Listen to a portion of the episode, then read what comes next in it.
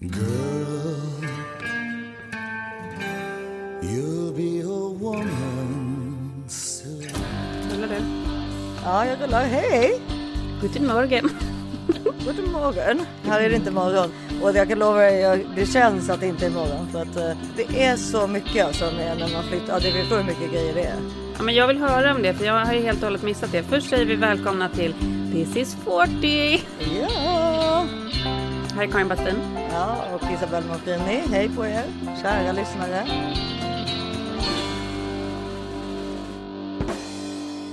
Men vad då berätta. Vi kan ju börja med att säga att ni är så tro... Det finns ju nästan... Alltså, du, får du dåliga kommentarer? Jag tänker på det, för jag får bara så snälla kommentarer. Alltså vi har världens bästa lyssnare. Det är så ja, härligt. men det måste vi ju ha. Ja, när man vaknar på morgonen, om man nu skulle vakna på dåligt humör, kan man bara öppna sin lilla DM-box. Ja. Så har man fått jättefina, trevliga kommentarer. Det är så himla härligt. Ja, och det, det som jag tycker är finast av alla, det är att de flesta säger att det känns som om vi är deras kompisar. Och, det, och då tycker Mm. Ja, det jag, det gulligt. tycker jag känns så himla, för det är ju så man vill att det ska vara, Mm. eller hur? Supermysigt. Det ska vara kompiskänsla. Ja, men förra veckan så hade vi ju lite, eh, fick man ju ringa in och ställa frågor eller Ja. tycka saker. What's the difference between MDMA and ecstasy? What's your thoughts on drugs and parenting? Call Isabel Monfrinus hotline now. We love to hear from you. Har du fått, har du fått några roliga kommentarer? Ja, men jag tror det finns, det, det finns några roliga. Vi lyssnar. Välkommen till Telenor röstbrevlåda. Du har ett nytt meddelande. Issa, det är Henrik. Du, kan inte du be att Filip ringer mig? När ni anlämnar tillbaka högtryckstvätten som ni lånade så saknar jag ett munstycke. Så säg till Filip att ringa mig. Tja! Du har inga fler nya meddelanden. Ja.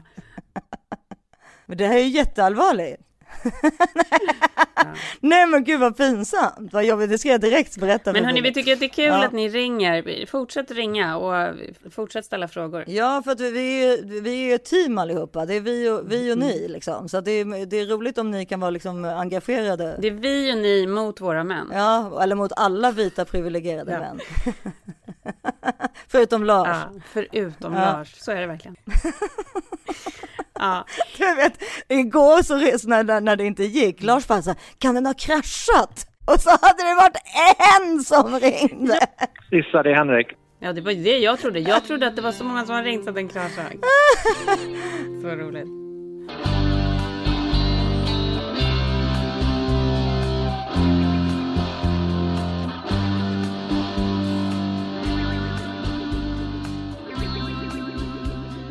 Men eh, hur som helst, eh, från det ena till det andra så håller jag ju på att eh, liksom vad man nu ska säga skola in kan man väl kalla det för eller? Det är ju ganska mycket att sätta sig in när man, eller när man flyttar till ett annat land såklart. Eller t- tillbaka till det här landet. Som tur var så, jag måste säga att jag tycker verkligen att saker och ting verkligen funkar här. Och det gör det ju i USA också för våran del. Men det är ju för, att- också för att vi har så mycket hjälp där som man måste ha. För man förstår ju inte sig på reglerna. Nej, gud nej. Alltså förstår du? Alltså man vet, man vet ju inte ifall man gör fel med reglerna i Amerika. För, för när, du säger så här, det är så mycket nu, så är jag bara så här, oh my god, det är så mycket nu med alla så här skolpapper och alla jobbiga grejer ska fyllas i. Det är så jobbigt att vara förälder och så här, behöva hålla på Ja. med massa andra människor Ja. och deras liv och deras personnummer och Ja. deras olika informationer. Precis, men det är ju USA specialister på.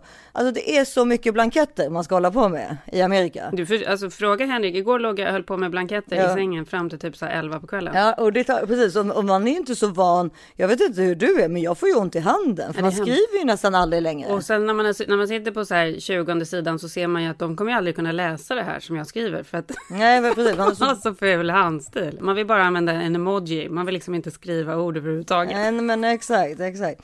Men det, det, här är det typ inga blanketter. Jag, de- de har ju till exempel, det visar sig att jag kanske har gjort fel. Jag, måste, jag har ju fått en sån påminnelse om, dem. vill du att de ska gå på fritids till exempel? Ja.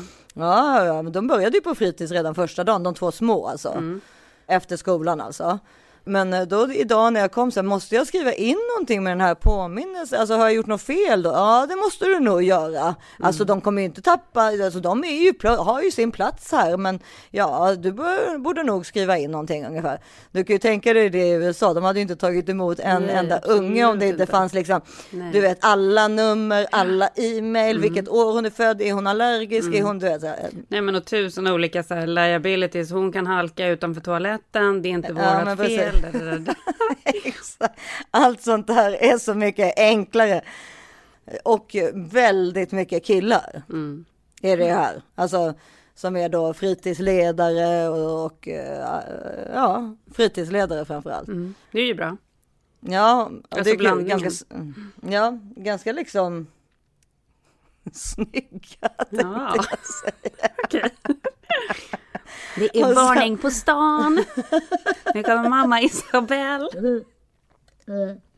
Nej då, men alltså det, så nu, då har ju då de två små börjat då här på och de två stora och det, det som är jobbigt är ju att Alltså om man ska säga någonting som är jobbigt fast som, som jag också gillar, det är att alla har olika tider.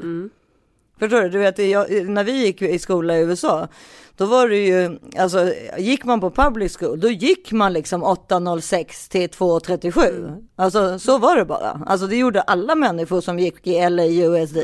Men vad då, hur har de i Sverige då? Nej, alltså de har ju sovmorgon och sånt där. Oj. Ja, gud, Ja. det kommer jag ihåg från när man var liten. Vissa dagar kunde man börja Ja. tio liksom. Gud vad sjukt. Ja, precis. Nu, de börjar inte tio, men nio börjar de ganska många dagar. Alltså du vet sådär. Och varje fredag börjar de nio, vilket är så jäkla trevligt. Ja, det är helt perfekt ju. Ja, för det är en stor skillnad på åtta och nio tycker jag. Ja, det är det verkligen. Ja, men särskilt Alltså- för er som, är så här, som har svårt att komma upp på morgonen. Svårt. Ja, men det är svårt. Jag tänkte på det. Jag, bara, jag, tänkte, först, jag tänkte på det idag. Jag bara, det är så taskigt att Issa alltid ska podda på eftermiddagen. Det måste vara jättejobbigt för henne att ha det framför sig hela dagen. För jag tycker det är så skönt att ha det på morgonen. Sen kom jag på att det inte alls är taskigt. För att du hade ju inte pallat att göra det tidigare morgnar. Nej, jag tyckte det var jättejobbigt när du sa tio och sånt där i somras. Jag var så, och då var, det var ju också ganska bra för mig, för då låg ju alla andra och sov. Det var en ganska bra tid egentligen. Men nej, nej, men, men nu, nu är det ju helt andra tider. Nu är det ju uppe med tuppen liksom. Men, och det är inte alls kul, det måste jag säga. Men, men det får man ju bara göra. Men det som är bra då är ju att de två stora, vi åker ju buss då till skolan varje dag. Idag då, då sa de två små så här, men vi vill inte att du ska följa med. Det är ändå bara femte dagen. Vadå, sa Greta det? Ja, Greta vill absolut inte Men det är klart du måste med. åka med på bussen. Vadå, hon, hur gammal är Greta? Hon är typ sex år gammal. Hon kan inte åka själv. Hon är sju. Hon kan är inte sju. åka själv på bussen. Nej, men vänta, det är klart hon inte åker själv, men jag ska ju berätta. Greta och Gösta och Oggi tar då bussen ihop, för Selma hade sovmorgon. Mm, och sen går de av på Odenplan Mm. och sen så, så eh, går de en bit tillsammans och sen tar en höger och, en, och två vänster då. Eh, och om, de är med, om, det är bägge, om det är både Oggi, då tar två höger och två vänster. Mm. Ja, och sen går de 200 meter. Liksom. Gud vad gulligt. Ja, till skolan. Men det sjuka är ju också att det är så här, eh, du vet, sen är det på onsdagar och fredagar i Göstas klass, då börjar de med idrott, då ska man lämna dem direkt i Vasaparken. Och sen så är det den tredje som, och du vet, tänk dig då, för, alltså förstår du, för mig, alltså bara för att det är helt nytt också, jag kan liksom inte, jag får inte in den här organisationen i Nej, min hjärna. Inte jag heller. Därför det är så mycket att hålla reda på eftersom det inte är samma tider för folk. Har du sovmorgon imorgon? Hur det? När slutar du imorgon? Kan vi ses på stan då för att köpa gympakläder? Ja, du förstår. Är För de, stora, de, för de stora rör sig ju helt själva. De, de, är ju liksom, de tar ju bussen själv, de åker, åker och skejtar själv, de åker och träffar, förstår du? De, de, de gör sitt egna liv och det är man inte heller van vid. Nej, Man är ju ganska van att man, nej. Och sen nu plötsligt vill inte ens de två små åka buss med mig. De tycker det är lite pinsamt. Nämen. Så det, så det går ju fort Ja. liksom. Ja. Och vadå, de små tycker också att du är pinsamt? Usch. Nej, men pinsam vet jag inte, men de tycker att det är roligare själv liksom. De känner sig lite stora liksom. Ja, och sen så har ju då de två eh, stora, för, nu har de fått så här bankkort och du vet, alla har fått svenska mobilnummer och det är liksom det ena efter det andra bara. Gud vad sjukt. Ja men det måste vara, jag, jag förstår att det måste vara stressigt men det måste också vara otroligt så här kul, nytt och spännande. Ja, men det är det ju verkligen. Alltså än så länge är vi väldigt nöjda allihopa. Men sen får man ju säga så här, man- måste ju se på barnen måste jag ju säga att jag känner så här faser. Alltså du vet, men alltså typ Gösta var liksom så förra veckan märkte jag att hon, han var väldigt liksom, vad ska man säga, ja, arg typ när han kom hem. Varför? Kan man väl kalla det för. Och då, då förstod jag ju att det var liksom att han spände sig ju hela dagarna såklart. För han är ju den som också kan minst svenska ju. Så då har han liksom spänt sig hela dagen i skolan. Så när han väl kommer hem så är han ju, måste han liksom slappna av på något sätt. Och du vet ju, Gösta är ju inte sån överhuvudtaget Anna. Alltså han gnäller ju aldrig för någonting. Gubben. Och då gick det inte att tala med honom heller. För att han var slängde i dörrar och liksom var så här. Gubben. Ja men det var typ, det var ju typ så här, alltså, alltså, det var, alltså jag tänkte så här, har, han blivit typ slagen av någon eller Mm. liksom, alltså jag började tänka så här, hur, varför är han sådär? Men det var för kort tid, säg om det här hade pågått varit om två veckor, Mm. då hade jag ju kunnat förstå så här, men nu håller han på, du vet det är någon klasskompis som kanske är tatt, men du, man blir inte så efter två, en dag eller två, man har inte hunnit med sådana relationer ännu. Alltså man har inte hunnit få sådana relationer ännu. Nej. Eh, Så att jag, det var därför jag förstod att det inte var någonting mer än att han bara var liksom så spänd förmodade jag då. Mm. Men jag kunde inte säga det till honom för han vägrade lyssna på mig överhuvudtaget. Alltså han vägrade bara lyssna. Ja, han nej, bara men slängde de, i dörren Ja, och men, nej, sådär. men de är ju barn liksom. De har ju bara sig själva och sin så här, dagsupplevelse fresh in mind. Ja. Liksom. Ja, så, precis. Och, och, och sen så, och, så jag märker ju att det går ju med barnen så känner man ju att det går liksom med, det är ju faser som man kommer behöva gå igenom. Ja, alltså de har levt hela sitt liv här. Det är helt sjukt. Ja, nej men precis. Och det är väl lite som typ nästan som en sorgeprocess. Alltså att det kommer, alltså att det är liksom eh, ja, sorg och sen kanske arg och sen kanske glad och sen kanske, alltså du vet, det är liksom, det måste, alla de där grejerna måste man gå igenom för att man sen ska kunna känna sig liksom helt trygg kanske. Ja, men såklart. Sen är det ju det där att corona på något sätt har ju hjälpt oss lite med tanke på att då, alltså de inte gick i skolan de sista tre månaderna. Så de har ju liksom ingen att längta efter. De kan ju inte längta efter sina kompisar riktigt. För de hade ju, alltså de har ju inte sett dem på sen i februari. Nej. Nej, Nej men det är ju faktiskt annorlunda. så har jag också känt. Men det var så himla kul för att jag hade igår hade jag så första online skolmötet för Harry som skulle liksom träffa sina kompisar igen efter sommaren via Zoom. Och så skulle alla föräldrar sitta med bakom och eh, Alltså eh, han tyckte att jag var så pinsam när jag så här, gjorde, räckte upp handen i den där symbolen och jag så här, satt och gjorde tummen upp i rutan och sådär. Men då märkte jag verkligen att ja, nej men det är supersorgligt att de inte ses in life, Men de hade ju så här otroligt kul konversation trots det allihopa i klassrummet, i Zoom-klassrummet. Så att så här, det ger ju ändå någonting, även om det inte alls är samma sak som att träffa dem live. Ja, och är det inte så att de verkligen har försökt att så här uppdatera, lärarna har försökt så här, gör, lärt sig någonting över sommaren väl? Jo, Ja. gud, alltså det var sån jävla skillnad. Jag sa det också till, ja men jag sa det till Henrik, att det var, jag, alltså som sjukt positiv upplevelse igår då, det här första mötet. nej, men jag har förstått det, för jag, de artiklarna har jag faktiskt till och med jag läst ifrån LA. Värsta skillnaden, det är liksom ett helt annat Och upplägg. det är väldigt många, såg jag, såg bland annat om det var Busy Phillips eller någon annan som skrev, så la, la ut sån här, någon som hade skrivit liksom att så här, "T- var snälla nu, tänk på min liksom pappa Mm. som är 61 år och lärare, att han, alltså det är inte så lätt för honom med det liksom tekniska och så Oh my vidare. Så man, God, man alltså, alltså bara det att de ska klara det där, försök vara snälla mot dem liksom. Så jag tror de har pluggat på så fan och för att försöka göra just att det ska vara en Mm. riktig sammanhållning i klassen. För så, hade det, så var det ju inte innan sommaren. Då kändes det ju väldigt så här spretigt. Ja men Harry skola var faktiskt rätt bra, men det här var liksom, jag var sjukt positivt överraskad. Och han också, han Ja. tyckte att det var liksom så kul. Och de hade Ja, liksom och hur gjort- många timmar går de då? Nej, men han har ju riktiga dagar, det är ju från, från 9 till 3 liksom.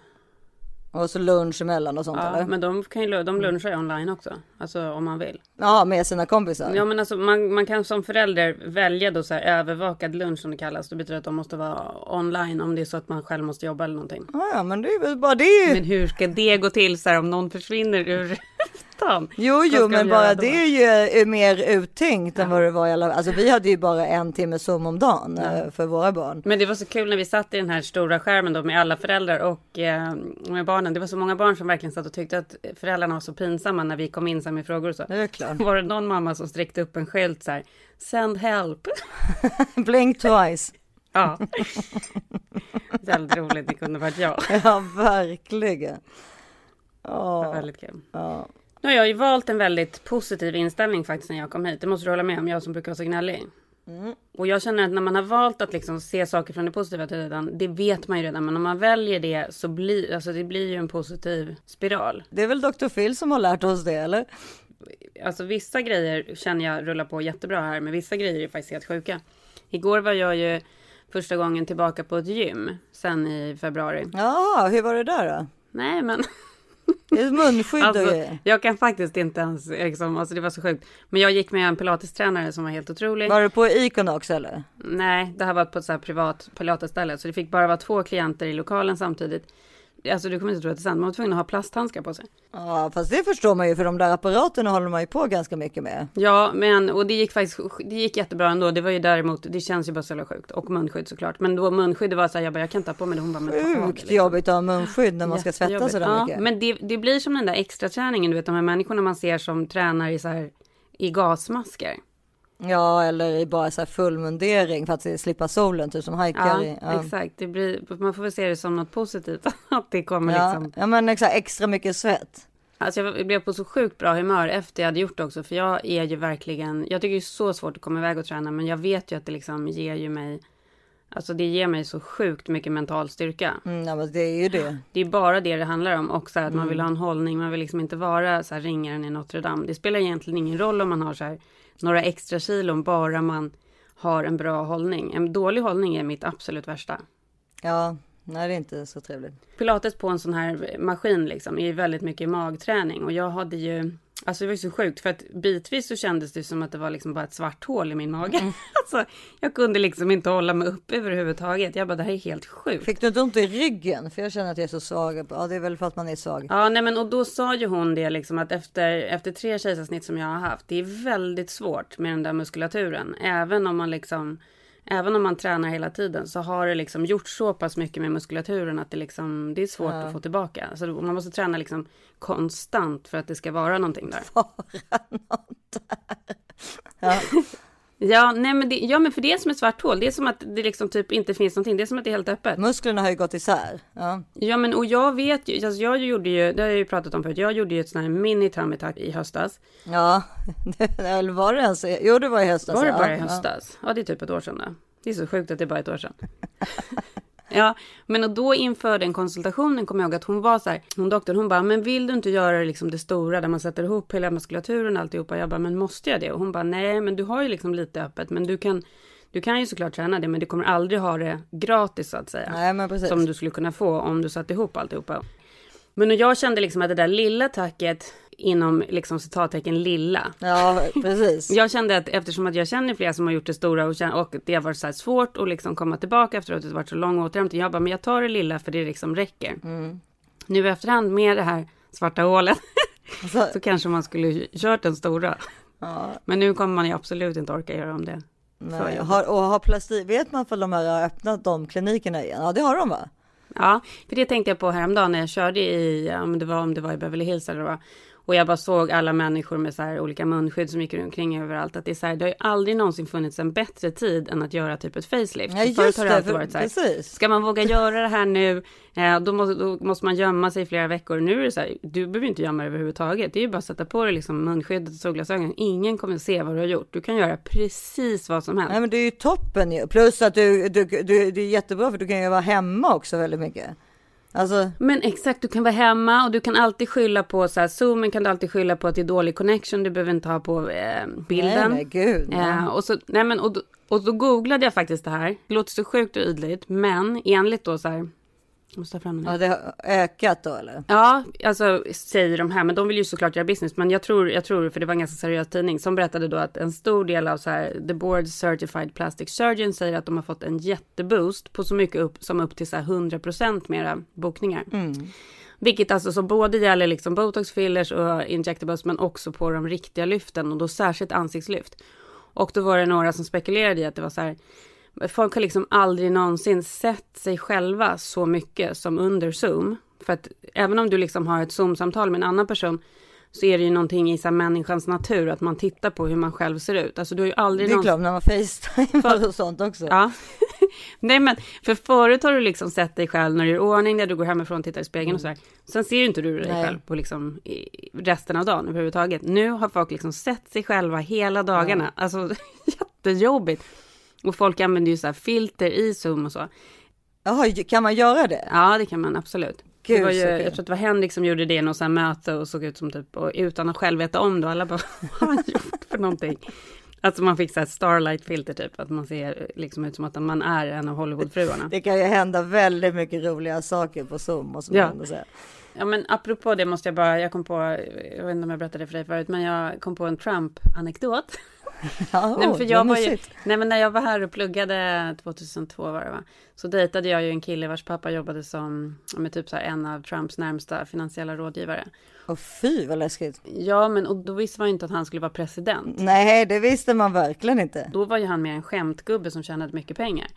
Men och, Ja, om han ens gjorde det. Men ja. Jo, men de, alltså de, och de här var ju jättetäta de här människorna då som. Mm. var hans finansiella rådgivare. Men då berättade han för mig att, att Trump var så sjukt eh, osympatisk för han var så här, han såg alltid till att ha så här, de här mötena då som han hade med pappan. Hade de då alltid i så Trump Tower och där var det liksom spegelväggar. Mm. Då satt de alltid så pass så att Trump skulle se sig själv i spegeln. Inte tvärtom, du vet när det är en så barvägg bakom typ. Ja, ja, ja. Och Trump tittade ju aldrig på den här mannen i, alltså han kunde liksom aldrig titta på hans ansikte utan han pratade bara med sig själv i spegeln. Åh fy fan. Det kan man se Ja framför sig. gud ja. Och sen ska han ju lukta så illa också. Har du hört det? Men det är ju, och det är ju såklart eftersom man använder brun utan sol eller vad han nu gör i ansiktet. Alltså Ja, för det luktar ju det luktar ju skitilla. Så det är ju det som är grejen. Ja. Men, eh, men så att det har liksom aldrig varit så mycket luft. Och, nej, men alltså hade jag varit, hade jag varit liksom på väg att göra ett lyft, det kommer jag ju säkert göra någon gång. Ja, det skulle jag också vilja göra. Men inte nu. Men hade jag, hade jag hade varit på väg nu så absolut. Jag Ja, det är en bra tid. Det är absolut Så bra tid. tid. För att liksom bara gömma sig. Verkligen.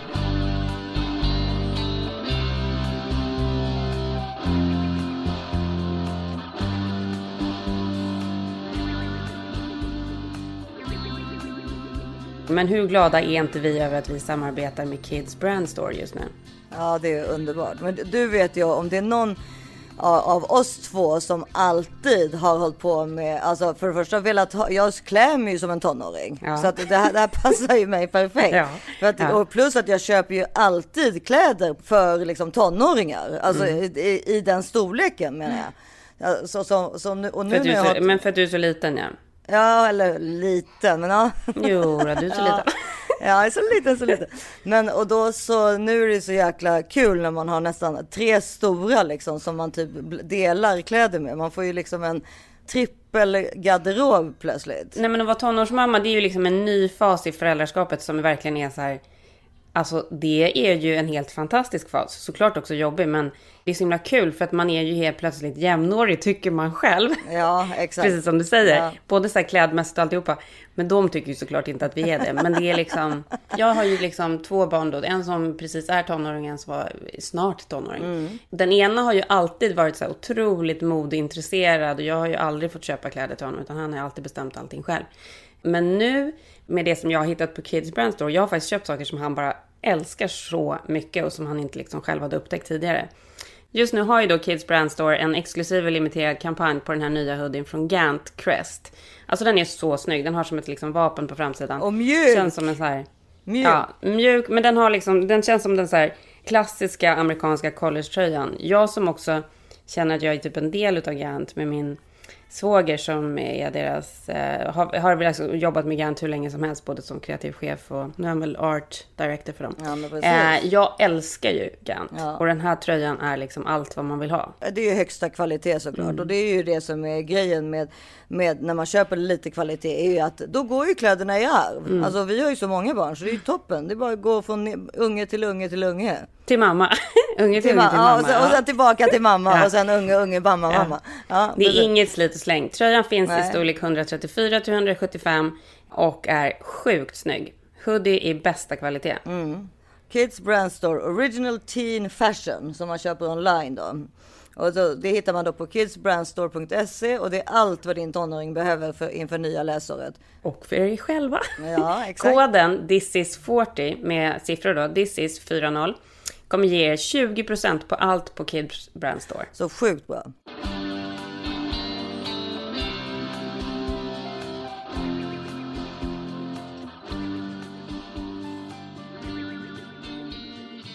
Om du skulle tänka, vilket tror du var det första virala YouTube-fenomen, alltså vilken sekvens tror du skulle, eh, om du skulle tänka så här, så blev liksom den stora grejen på YouTube om, som folk sökte på som blev viralt, liksom den första liksom patient zero av YouTube-klipp. Men alltså måste jag bara försöka tänka tillbaka till hur länge sedan det är som YouTube startade.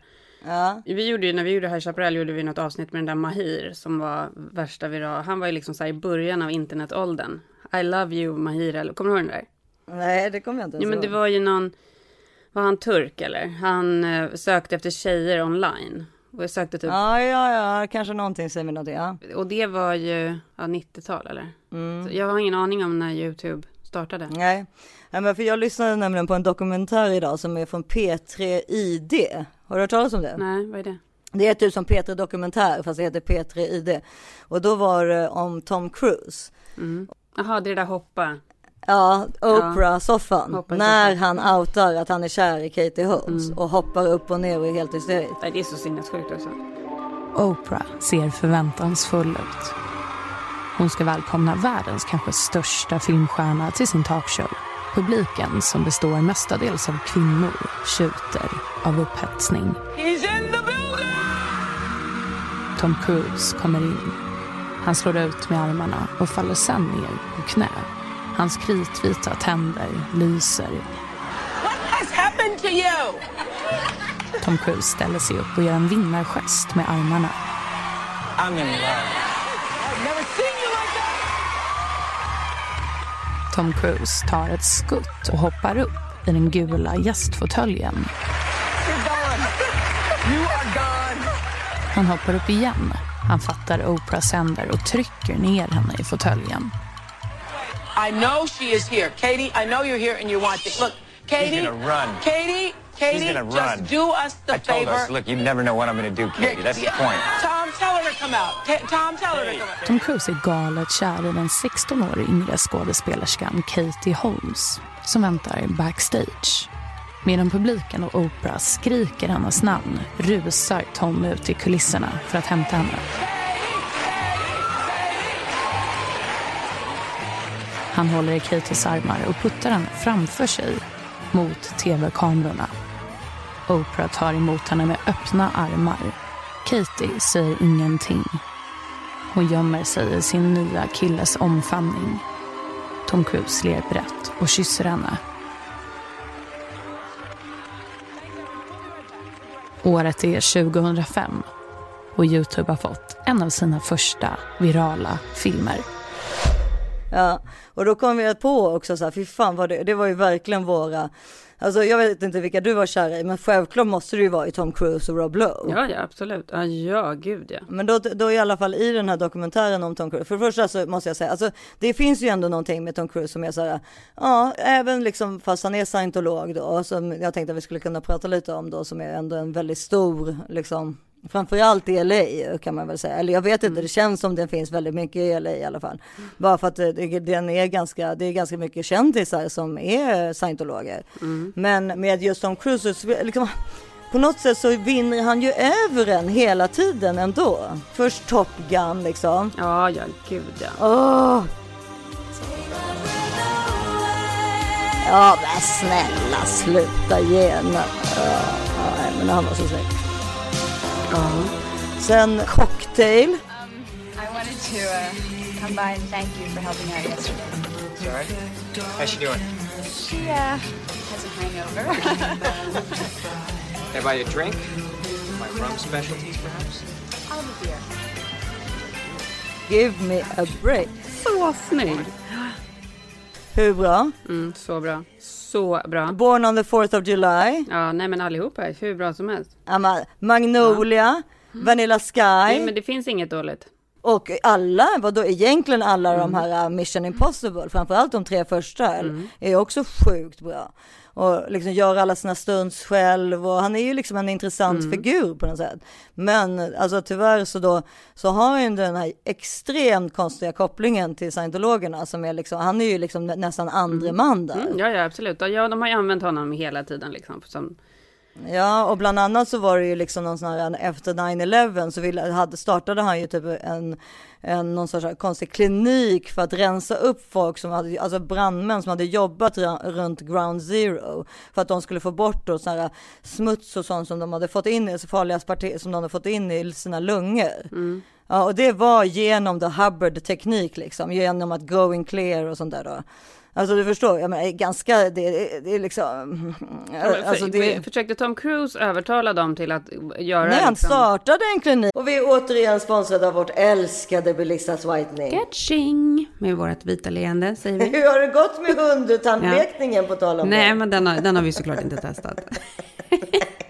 Nej, ja. det var faktiskt kul. Men våra egna tänder går det ju väldigt bra med. De går väldigt ja, de, bra med. Det är inte så ofta man längre behöver liksom använda den här, vad heter den, den här retuschgrejen i, eh, på sina bilder när man ska liksom fixa till tänderna. Det behövs inte så ofta. Det är man ju glad över. Och vi har ju pratat om flertalet produkter från, som Belissa har, men vårt och ert favoritkit är ju Be White PAP 100. Mm. Och, och, det kommer alltid förbli favoriten för både er och oss mm. skulle jag tro. Ja, för det, det, är så otroligt enkelt. Jag brukar ju köra på den direkt när jag ändå står i badrummet och håller på och fixar ordning mig. Eh, direkt efter ett bad. Du kanske ska göra det nu ikväll efter ditt bad? Jag brukar göra det i badkaret och jag kommer göra det idag i badkaret. Ja, superenkelt. Alltså det är så enkelt. Mm. Det är så enkelt och gällen innehåller mer än tre gånger så mycket av det effektiva ämnet helt utan väteperoxid för att garantera att man får ännu bättre resultat. Och så är det de här helt nya skenorna som man inte behöver forma efter tänderna utan det är bara att koppla på skenan direkt på lampan. Det är så smidigt. Ja, inte klokt alltså. Ja, och nu är det så att inte nog med allt det här som är så otroligt bra för utan det är också eh, otroligt bra rabatt som Belissas har gett till oss. Man får alltså 50% rabatt och fri frakt för just Be White PAP 100 med koden THISIS40. Mm. Mm. Sen, och sen så tycker jag bara så här, bara den grejen att de erbjuder nöjd kundgaranti, alltså är man inte nöjd får man pengarna tillbaka. Bara det i sig är ju ett hundraprocentigt bevis på att det här kommer göra er nöjda, för de skulle inte kunna sitta och ha den garantin annars. Nej, det är otroligt nej, faktiskt. Och rekommendationen, det här ska vi inte glömma, nej. är att bleka tänderna en gång dagligen i upp till tio dagar för maximal effekt. Mm. Men redan efter första behandlingen så kommer man se stor skillnad på tänderna. Ja, det gör man verkligen. Så mm. det är bara att gå in på belissas.com och eh, klicka hem det här fantastiska erbjudandet. Mm. Koden var alltså this is 40 så får ni 50% mm. rabatt och fri frakt. Perfekt. Tack Belissas. Tack Belissas som gjorde detta i New York. Ja, och som då alltså absolut inte har någonting med medicin att göra utan det är bara så här hur man ska tänka och ja, det är helt sinnessjukt för det är ju så här cancerogena partiklar. Det går inte att få ut på något annat sätt än att Nej men precis, så det är väl, alltså de använder ju den här maskinen ju för att man ska komma på den högsta leveln av uh. scientologin. Och den här maskinen då gör, ska, ska då göra en helt ren på något sätt. Alltså det, var, det är jävligt flummigt liksom. Det är inte jävligt flummigt, det är helt sinnessjukt flummigt. Alltså det är så här... Larry King gör en intervju med Tom Cruise som är liksom, ja. men, men, då bara fattar man liksom att det här är ju en ding-ding-värld. You got involved in uh, the toxic environment problem around Ground Zero and you established the New York Rescue Workers Detoxification Project. Yes. Which you fund. Yes. It's a project based on your own principles of Scientology. 175 people, firefighters and rescue workers go through it. What does it do? It's great. It's actually it's based on the, on the research. And it's it's Hubbard developed it. What happens is, is that Hubbard developed a thing. It's based on uh, clear body, clear mind. He figured out how to eliminate uh, toxins from the body, and it does just that. Uh, doctors do not know how to diagnose uh, chemical uh, exposures because it can actually have mental ramifications. It, you know, people feeling depressed up and down. Uh, you know, we've had get so the toxin. This is something that we also use in Narcanon that helps get the drugs out of, out of their system. So firemen on 9-11 came out not only with physical and toxic problems, but emotional problems from that as well. Absolutely. Du har ju sett eh, scientologi-dokumentären som ja, gick på HBO. Den kan ni se, det finns, som heter Going Clear. Ja, kan man se hur många gånger som helst, för det är fan mig helt otroligt. Jag har sett den flera gånger också. Nej men för man blir ju, det är ju en annan sak när man bor i Los Angeles, det är ju så här typ så här, bara, men säg i alla fall en i varje klass som man har barn i, är liksom scientolog typ. Mm. Alltså framförallt om de har någon så här kändisskap eller liksom mm. är skådisar eller musiker eller artister överlag liksom. Och, Men Issa, du vet att ett av kännetecknen är att de har den där jättestora nyckelknippan? Ja. Har vi pratat om det? är det inte jag som har berättat det för dig? Det. Nej, men och att det var ju på ett, ett barnkalas hemma hos er så var det ju några, några så kändisföräldrar Ja, ja. som hade den där jättestora nyckelknippan Ja, hängande i fickan och de var ju scientologer också. Ja, också så här, men exakt. Varför ska du ha en stor nyckelknippa hängande ute i fickan? Ja men det är för att de ska komma in i alla de här stora husen på, i, runt om i Hollywood. Det finns ju ett stort hus som typ ser ut som Chateau Marmont som är ju the Scientology Celebrity Center. Som är liksom, så- alltså det är så läckert det där huset och en stor jävla trädgård och det går ju folk, för, alltså de har ju typ så guards runt om hela tiden och förut kunde man tydligen gå dit och äta brunch även fast man inte var scientolog och de har tydligen jättebra brunch. Så det kunde man ju under våra år här. Det är ju bara några år sedan Ja. de slutade med det. Ja men exakt, jag slutar med det. För det blev ju väldigt, eh, ja, det har väl varit, och John Travolta är ju en annan person då som är med i Scientologerna och eh, Kirstie Alley är väl med va? Och sen då de, som- Juliette Lewis och även någonting som jag blev väldigt förvånad över och det är ju alltså hon i Handmaid's Tale. Nej, det klarar jag inte av. Hon som var med i Mad Men också. Är hon också scientolog? Hon som verkar så jävla...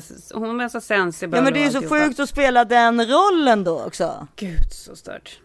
Men ja, det är helt overkligt hur de kan vara med i det. Jag fattar inte, för att grundteorin är ju att de tror att det ska komma ett rymdskepp och hämta allihopa som inte är med typ. Ja, det skulle man ju nästan kunna hoppas på. Nej men det är så här, hur kan, hur kan en förnuftig människa tro att det ska komma ett rymdskepp och hämta oss allihopa?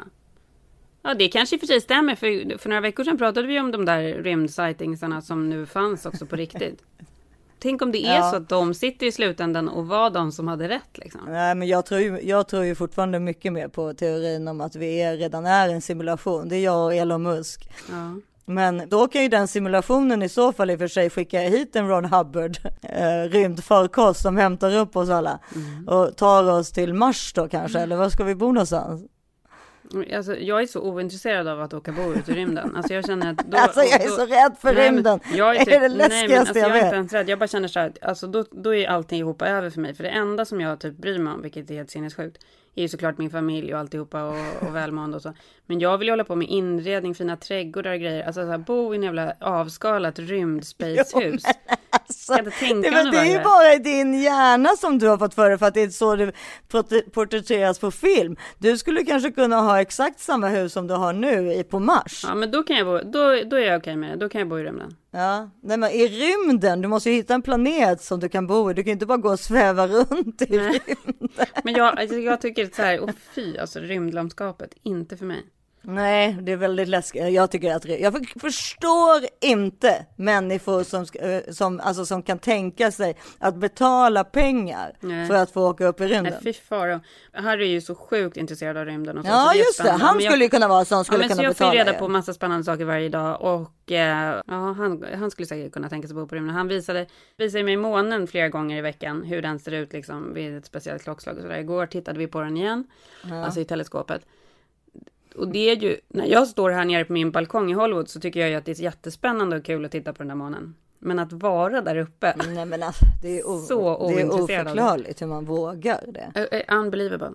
Det är lika oförklarligt om att man skulle vilja åka till månen som att man skulle kunna bli scientolog. Mm. Mm. Nej men bli scientolog är helt orimligt. Alltså jag förstår inte hur det är möjligt. Nej. Som Remini, Ja, äh, Lea Remini. Ja, som, eh, hon var ju medlem och gick ur. Mm, det är typ 2013. J Los bästa kompis.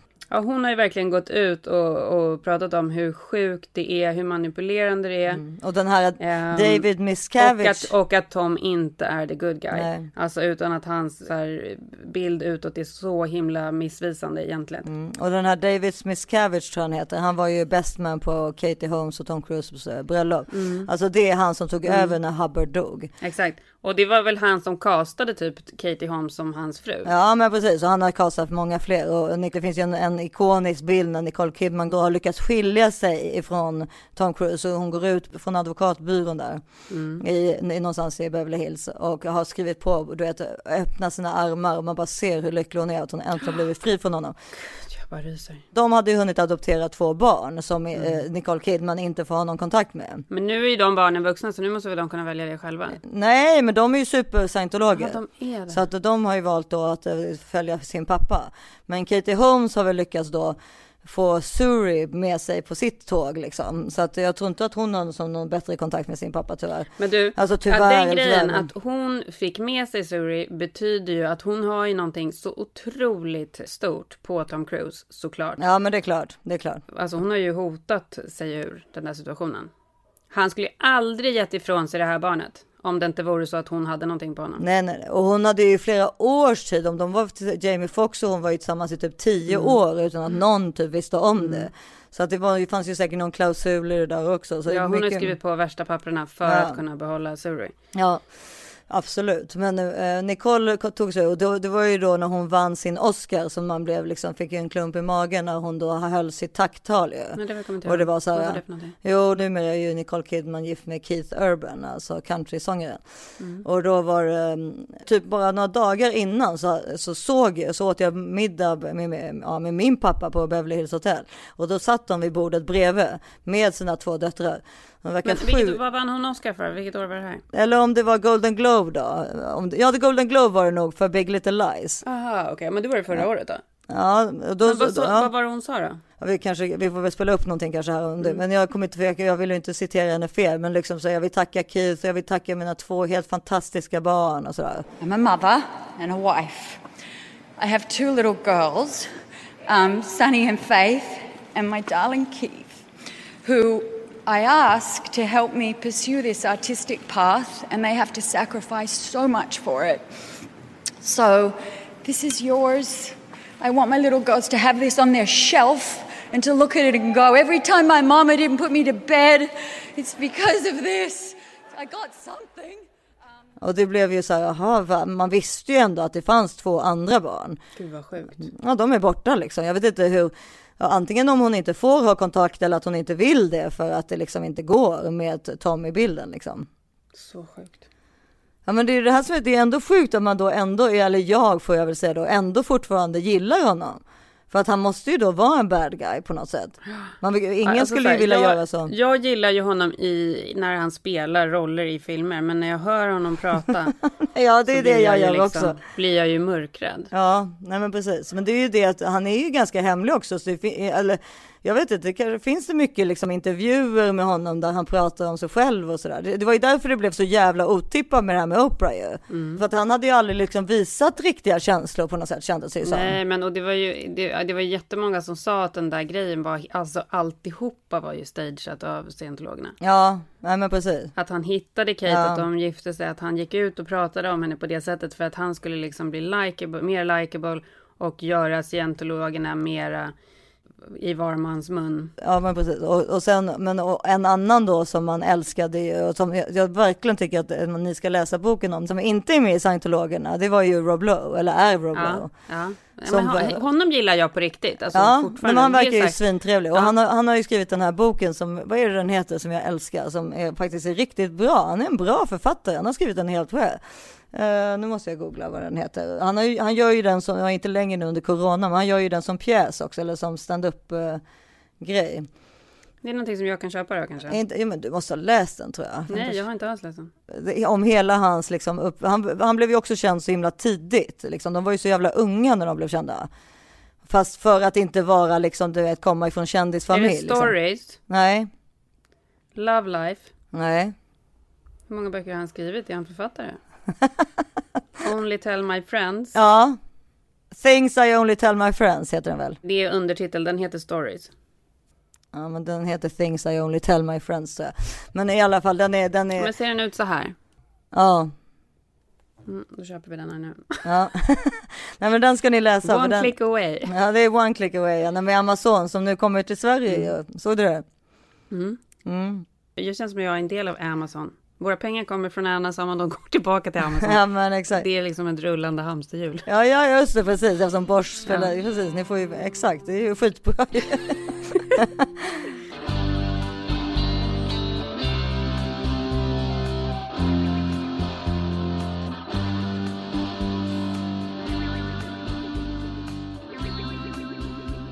Jag har några roliga grejer idag på schemat.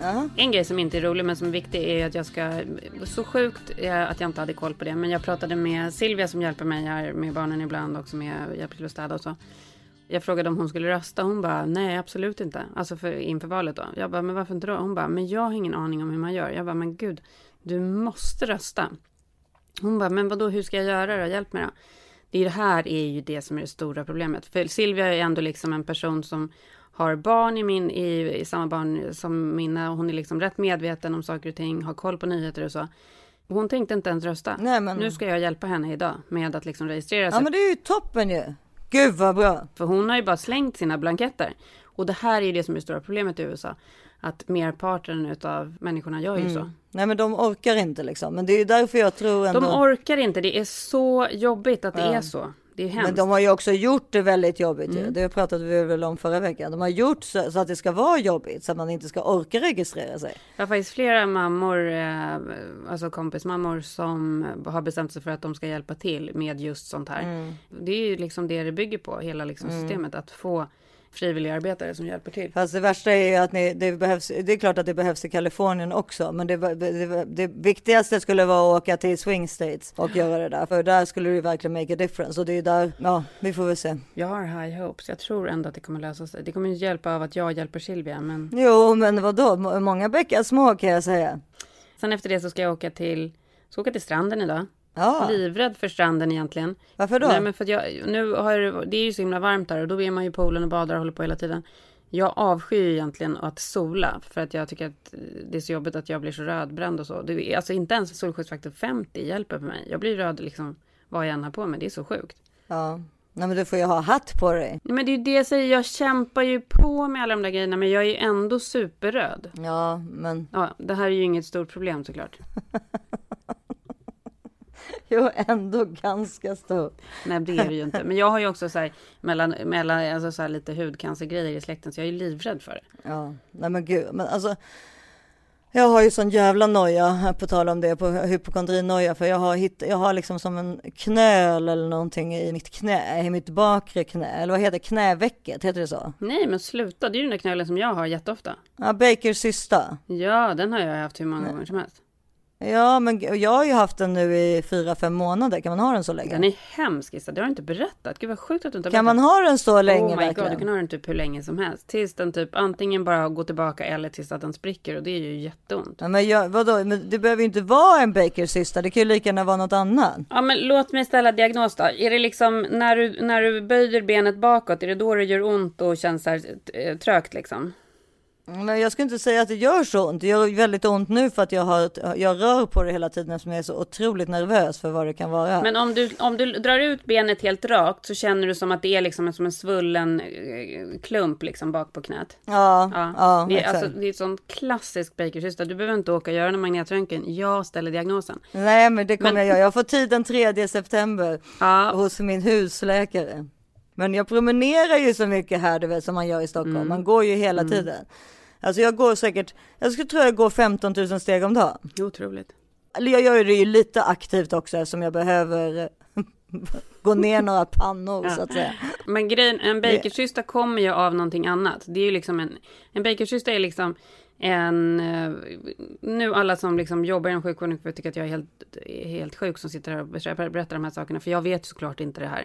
Men jag tror att det är, på mig har, ju, har jag ju fått reda på att orsaken till att jag får dem är för att jag har artros. Eh, så att när, min, när mitt knä blir så här överansträngt så söndrar den ut den där vätskan som liksom blir den där cystan. Och om det inte är artros så kan det vara liksom ett ligament som är slitet som kan orsaka det. Men det är ju framförallt så är det så här, det är, jag ska inte säga att det inte händer, men det är väl ganska ovanligt att folk får en tumör i knät, eller? Om det är nu det du tror att du har. Jo, men eh, ovanligt och ovanligt, det, kommer- det är klart att det kan hända. Ja, men alltså så här, förmodligen så har du inte en tumör och absolut, vi oroar oss ju så för sånt hela tiden, men egentligen så är det ju ingen idé att sitta och liksom tro att vi har en tumör tills vi vet att vi har en tumör. Nej, men det, så kan man ju lätt kan man säga, men det här tar upp hela min tid. Jag kan inte... Ja, men mest, mest troligt så är det ju en sån där cysta som jag har haft. Det är ju också, det är ju jobbigt, för förhoppningsvis så har du det bara en gång, men får du som mig så får, kommer du ha det återkommande, det är inte kul. Ja, men alltså det kan få vara vad som helst så länge det inte är en tumör. Jag hade ju det första gången när jag var typ 27 när jag var här och skulle göra High Chaparral. Det är, mån det är måndagsexemplaret där. Nej men när jag var här och skulle göra High Chaparral, jag hade precis flugit också. Och så fick jag den där och så var jag, jag kommer ihåg att vi hyrde något hus i, La Brea och så var det väl Filip och Ja, jag. det så- kommer till och med jag ihåg att ni gjorde. Det var så jävla äckliga de här Ja, husen. skitäckligt. så var det Filip och jag som satt och pratade om det där knät, att det var så himla svullet. Han bara, "Men du borde verkligen åka in och kolla det där.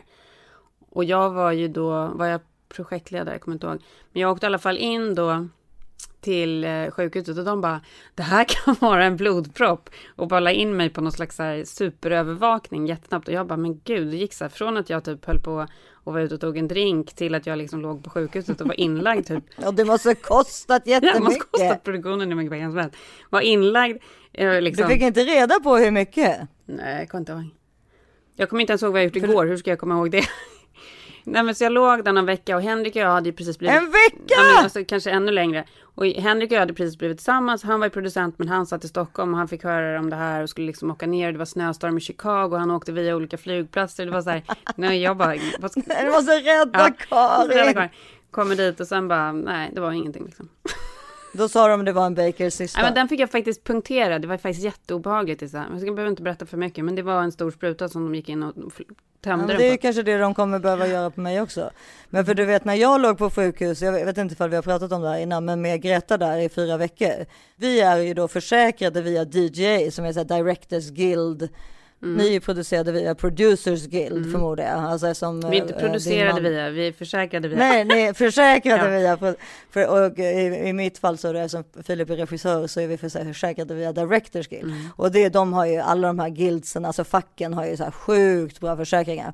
Så när jag lades in så var det så här, nej men vi behöver inte ens fråga din försäkring för den, är, den kommer täcka allting. Mm. Ja okej, vad bra liksom. Vi var ändå lite sådär, oh, gud, alltså man vet, alltså jag visste ju att jag skulle ligga inne i fyra veckor. Mm. Det är ganska lång tid, liksom. Och minst fyra veckor. Ja, och då i alla fall så var när eh, notan kom hem då, då så, blev det ju så här balance zero, men man såg ju eftersom försäkringen redan hade tagit det, men då såg man ju mycket. Den var på typ så här 527 000 dollar. Oh, Jesus Christ! Ja, det var Alltså det kostar ju, det är mer än att bo på Beverly Hills Hotel. Ja, Alltså en svit. ja. Alltså i fyra veckor.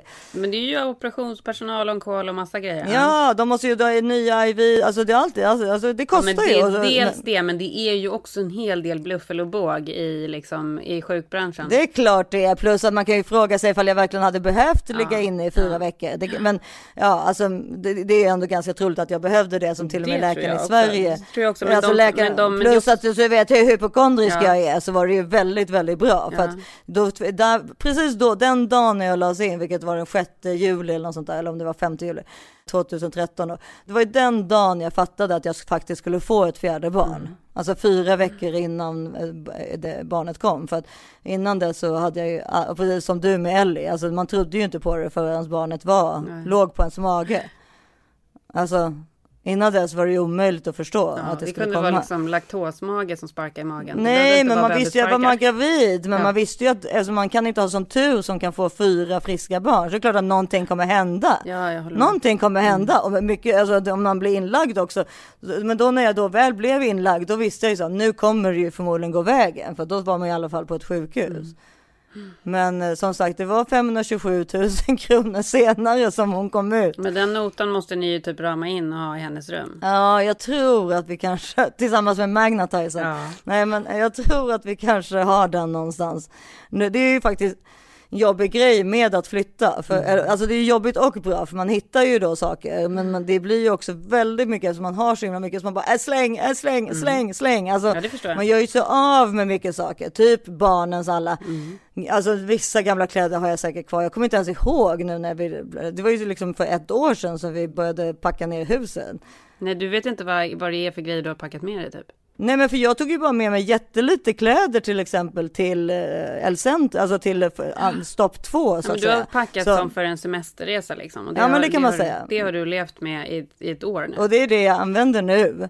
Och sen då så ligger ju alla andra kläder och alla, du vet, så allt ligger och gamla kläder kanske till bebisar som jag tänkte att jag kunde ge till mina barn då när de får bebisar. Mm. Kanske några skolarbeten från barnen, men det tror jag att jag förmodligen sa släng, släng! Du vet, Gud, man alltså, hade som- gud, det här kommer bli så intressant. Det kommer bli som en julafton när du får de där lådorna och ska packa upp. Ja, för också bara oh shit, är det så här mycket? Ja. Sen har jag blivit tillsagd igen av, av, av gubbar. Jag blir tillsagd av gubbar hela tiden i det här landet. Jag förstår inte vad det Vad var det nu då?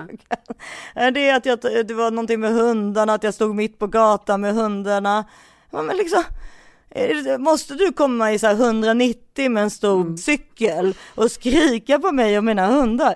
Och samma sak var det när jag var med, liksom, med barnen så träffade jag en kompis i en korsning. Mm. Då kommer liksom en stor ranga, liksom en stor range rover med någon liksom vit privilegier. Ja, tut, tut, det, det står i korsningen din jävla... Så du jävla här, otrevligt. ja, men- Ja men, är, är, är, det, är det så jobbigt för dig så att du måste göra så? Mm. Måste du liksom, alltså måste du ta dig tiden att bli sådär arg?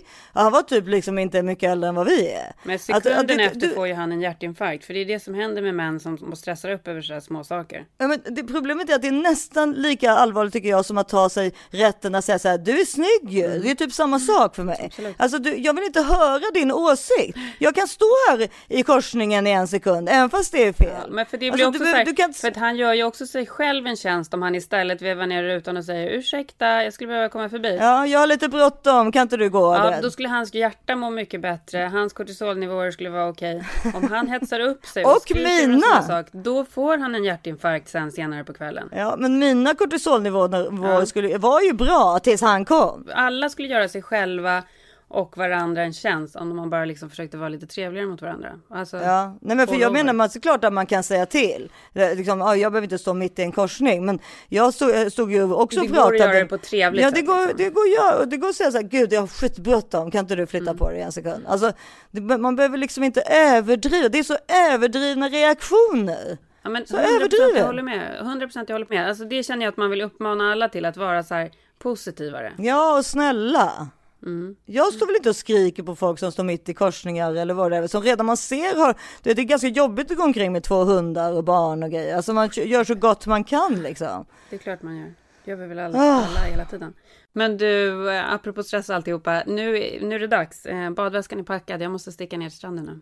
Nej, Ah, först gud. måste jag hjälpa Silvia att rösta. det är ju typ det viktigaste av allt. Och jag känner, vet du vad jag känner? Jag känner att Filip har börjat koka en bolognese för det luktar i hela, Mm. det är ju trevligt. Så det var ju, det var ju gulligt att han gjorde det. Men, eh, så jag ska väl få mat här nu när jag lägger på. Tills ni hör oss igen nästa vecka kan ni antingen ringa oss på vår telefonsvarare. Ja. Numret finns i This is 40-profilen och där kan ni också kolla vad vi har för oss. Eh, på Instagram då, This is 40. Mm. Jag heter Karin Bastin och bloggar på The Way We Play. Ja, och jag heter Isabelle Monfrini. Jag bloggar inte. Jag orkar knappt skriva text, alltså, blogga inte för mig. Prata Puss kan och- jag, prata Ja. kan jag och det ja, vet det kan du. du verkligen. Så Ja. är det bara. Så är det bara. Puss och kram, vi hörs igen nästa vecka. Puss puss! Ground control to Major Tom. Ground control to Major Tom. Take your protein pills and put your helmet on. Ground control to Major Tom. Seven, six, commencing countdown engines on. Three, two, check ignition and may God's love be with you.